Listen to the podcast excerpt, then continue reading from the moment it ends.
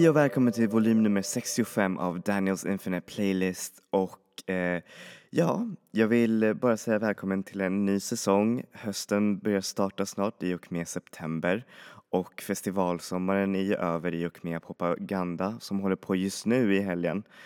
Och eh, ja, jag måste säga jag är faktiskt väldigt excited för den här säsongen av nya podcasts främst för att eh, Ja, alltså man blir ju så himla inspirerad och man hittar så himla mycket bra musik och eh, inte minst med kapitlet idag som ska beröra någonting som är verkligen otroligt viktigt för mig. Eller det är en av mina absolut favoritsaker i hela världen. Eller jag vet inte om det kallas för en sak men ni kommer förstå vad jag menar.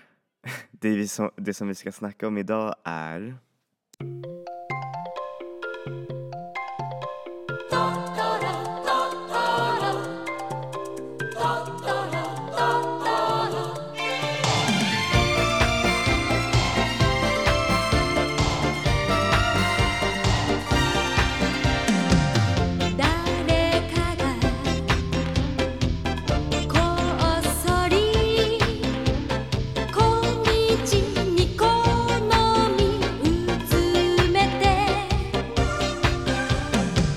Är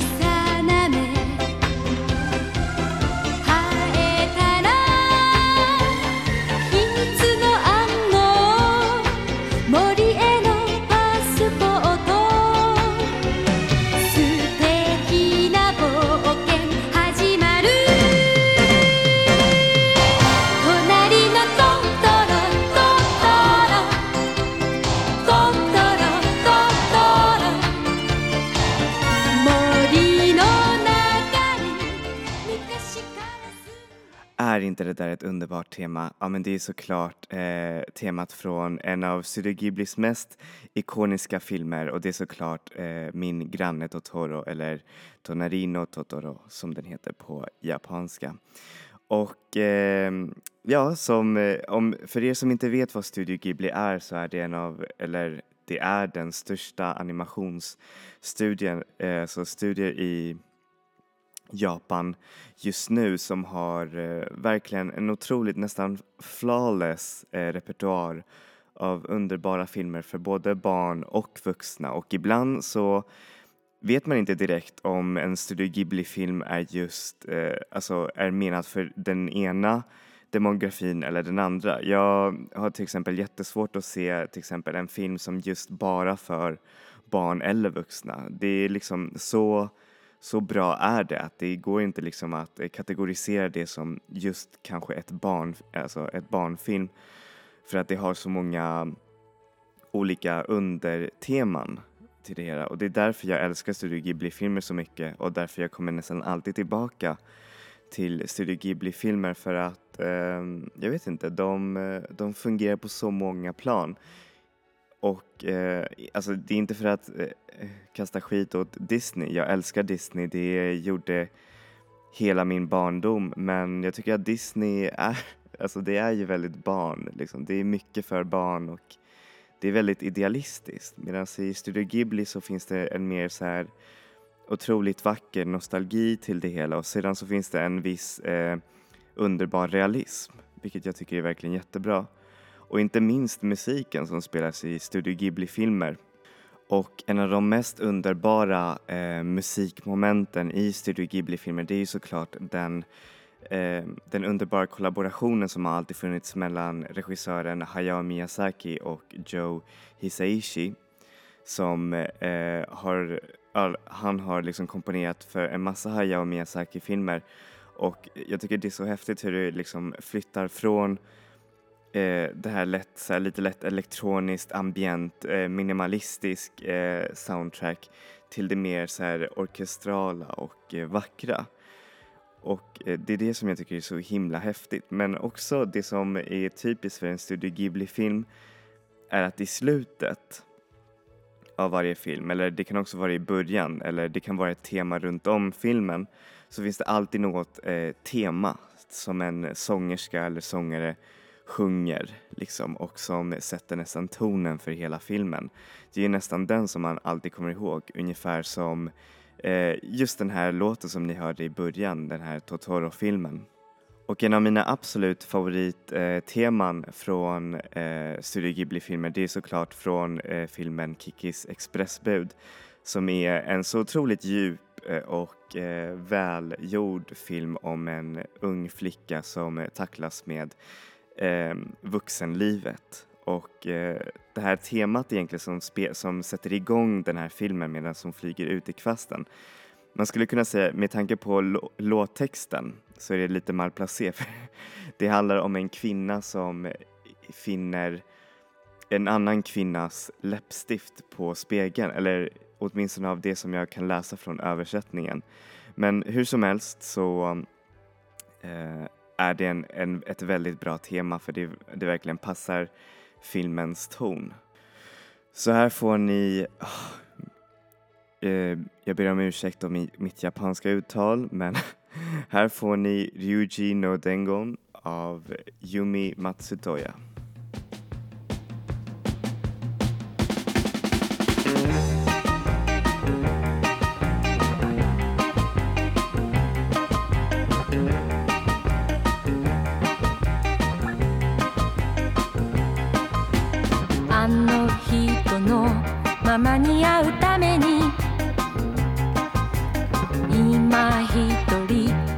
列車に乗ったの。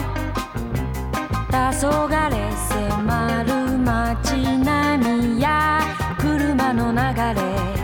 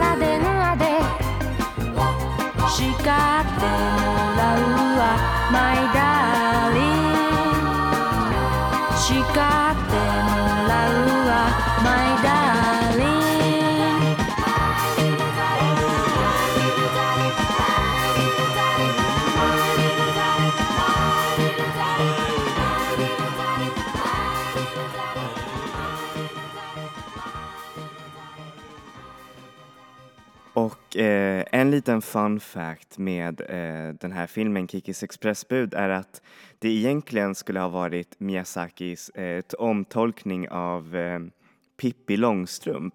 Och eh, det, roliga, alltså, det roliga är att de eh, reste hela vägen till Sverige och besökte olika städer som eh, Stockholm och Göteborg och för att få lite inspiration och för att få fram den här vad som är det, alltså de här svenska städerna och allt det här med, Sver med Sverige att göra. Men dessvärre så sa, jag vet inte om det var Saltkråkan AB eller om, ja det måste väl ha varit Saltkråkan AB för det är de som har rättigheterna till Astrid Lindgrens verk. Eh, så sa de eh, nej, eh, vi vill inte ha det här och eh, då då tog liksom Hayao Miyazaki all den här inspirationen och all den här um, hur säger man, all den här eh, alla de här koncept som de hade fått från Stockholm och Sverige och lade in i hans ny, alltså i, han, i den filmen som han gjorde istället, vilket var Kikis expressbud. Vilket är nästan en hel, alltså avbildning av eh, Stockholms eh, stad. Man, man ser eh, Grand Hotel, man ser Kungsgatan eh, och, ja, och sen så ser man också lite, lite av Göteborg också. Man ser den här stora avenyn och ja, jag tycker det är verkligen jätte, jättehäftigt. Så eh, kolla på den där filmen för ni lär se jättemycket som man känner igen från de städerna. Men hur som helst, eh, mycket av de här temana har, eh, hur säger man, de har coverats mycket av en massa artister och Youtube-artister genom tiderna. Man kan eh, lika lätt som, som det är att gå in och liksom bara höra på musiken, alltså den orkestrala delen, så kan man lika lätt hitta Eh, liksom de här teman och eh, mycket av Japans eh, största, alltså stora artister, till exempel Kari Pamyo Pamyo, hon började ju sin karriär genom att eh, släppa en covers-album eh, med en massa så här Studio Ghibli-låtar. så ikoniska är de.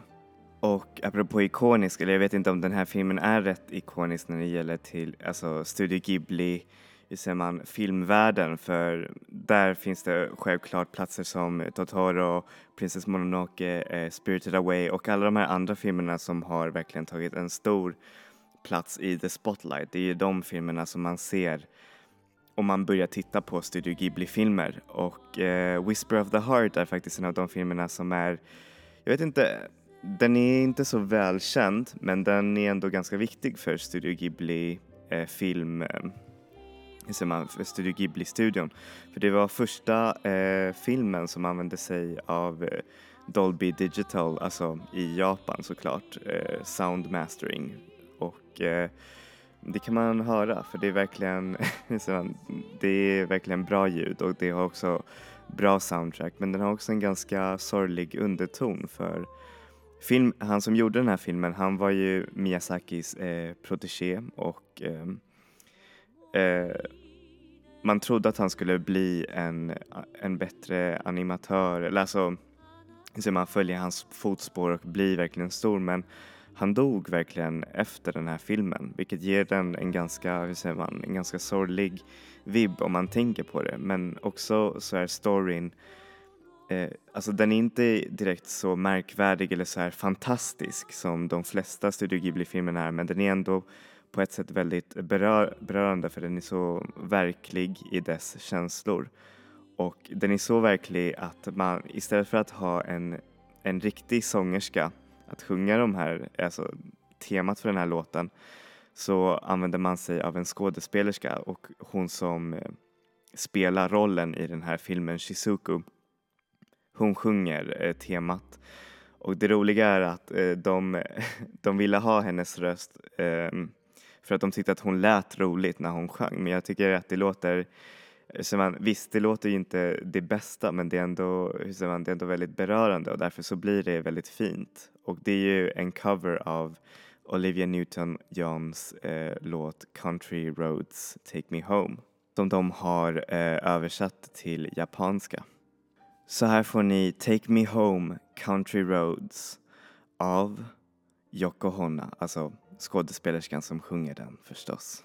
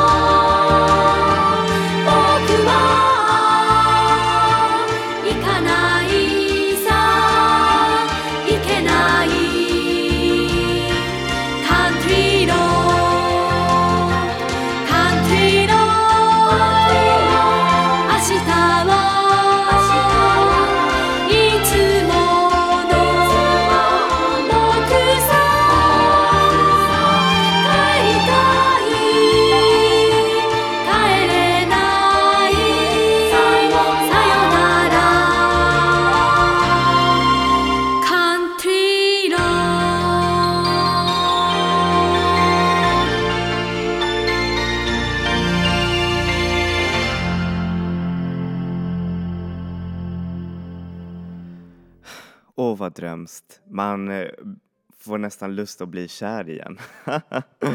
Men hur som helst eh, så har Studio Ghibli inte bara jobbat med Joe Hisaishi i deras eh, soundtracks utan de har haft även en massa andra kompositörer som har hjälpt till och gjort musiken till de här filmerna. Och eh, det roliga är, eller det som är också ganska coolt är att det inte bara är japanska eh, personer som har gjort soundtracken utan till en av deras nyare filmer som, eh, jag vet inte vad den heter på svenska men den heter The Secret World of Ariety eh, vilket är också en av de bästa eh, Studio Ghibli-filmerna för den är också, hur säger man, en film som man skulle kunna säga är för barn men som har otroligt, eh, hur säger man, vuxna teman. Och eh, mycket av det hjälps tack vare av soundtracket från eh, bretonska eh, sångerskan och kompositören eh, Cécile Corbel, hoppas att jag har eh, sagt hennes namn rätt, men eh, hon, eh, det som jag älskar med den här eh, soundtracket och den här låten också det är att det används mycket, hur man, keltiska influenser, mycket fina så här druid, eh, trummor och eh,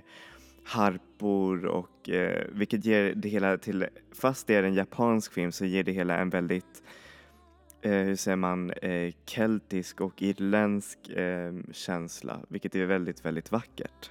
Och det roliga är också berättelsen bakom hur hon fick eh, jobbet som kompositör för den här filmen. Och det var genom att hon skrev ett eh, brev och skickade till Studio Ghibli också att eh, hon, älskade, alltså hon älskade deras musik och filmerna och, eh, och att hon skulle vilja göra en eh, låt till eh, en film om, om det nu skulle så hända. Och just så höll de på att jobba, arbeta med den här Areti-filmen, den här koncept eh, eh, background och eh, konst och allt det där. Så då bestämde de sig för att ha henne som kompositör för hon har ju också coverat en hel del under sin karriär eh, Studio Ghibli-låtar. Och eh, jag måste säga, det låter, som jag sagt, det låter väldigt fint också om man tittar på filmen. Så här får ni låten Arietis sång av Cécile Corbel.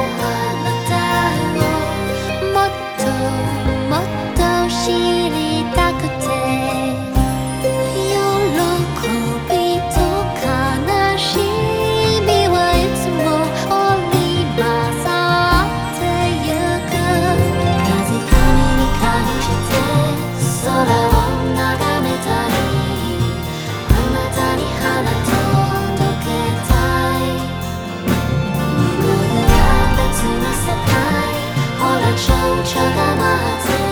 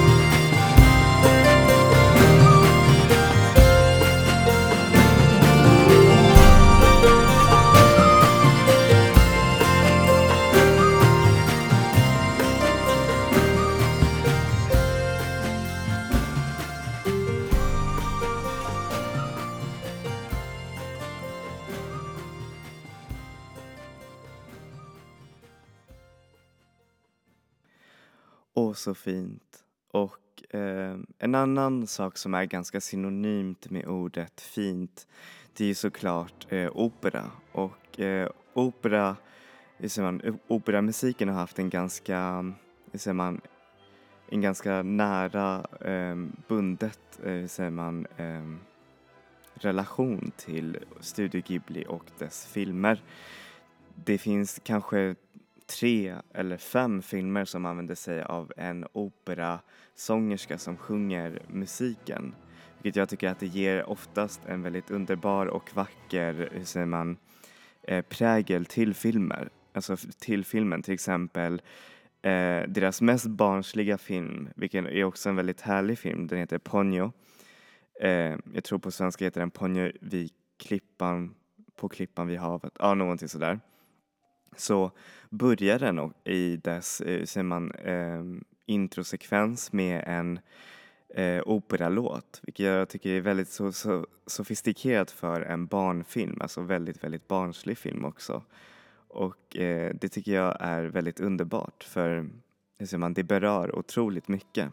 Och eh, en av de mest evokativa filmerna är ju såklart Princess Mononoke som är också min, man, den filmen som jag minst tycker om från Studio Ghibli för att den är så himla mörk och väldigt, eh, som man, alltså självklart är det jättemånga som älskar den, många säger ju att det är den där filmen som är Hayao Miyazakis största mästerverk men jag vet inte, det är inte så mycket som, eller jo, självklart så berör den jättemycket alltså, i mig när jag såg på filmen men jag tyckte att det var mycket som hände i musiken, att det var det som gjorde mig väldigt, väldigt, eh, hur säger man, emotional när man ser den här filmen. För det är en väldigt stark och rå film. Det är nästan den råaste filmen som kommit från Studio Ghibli förutom Grave of the Fireflies eh, såklart, som är också väldigt, väldigt rå och väldigt, väldigt sorglig. Och hela den här, eh, ser man, de här känslorna nästan gjordes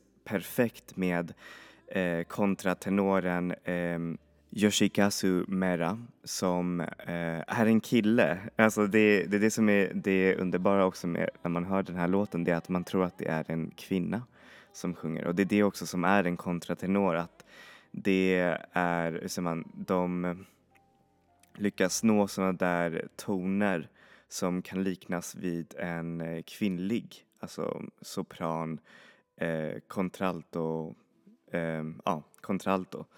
Och det är det som är så himla häftigt med den här låten. Så här får ni Princess Mononoke av Yoshikazu Mera och Joe Hisaishi.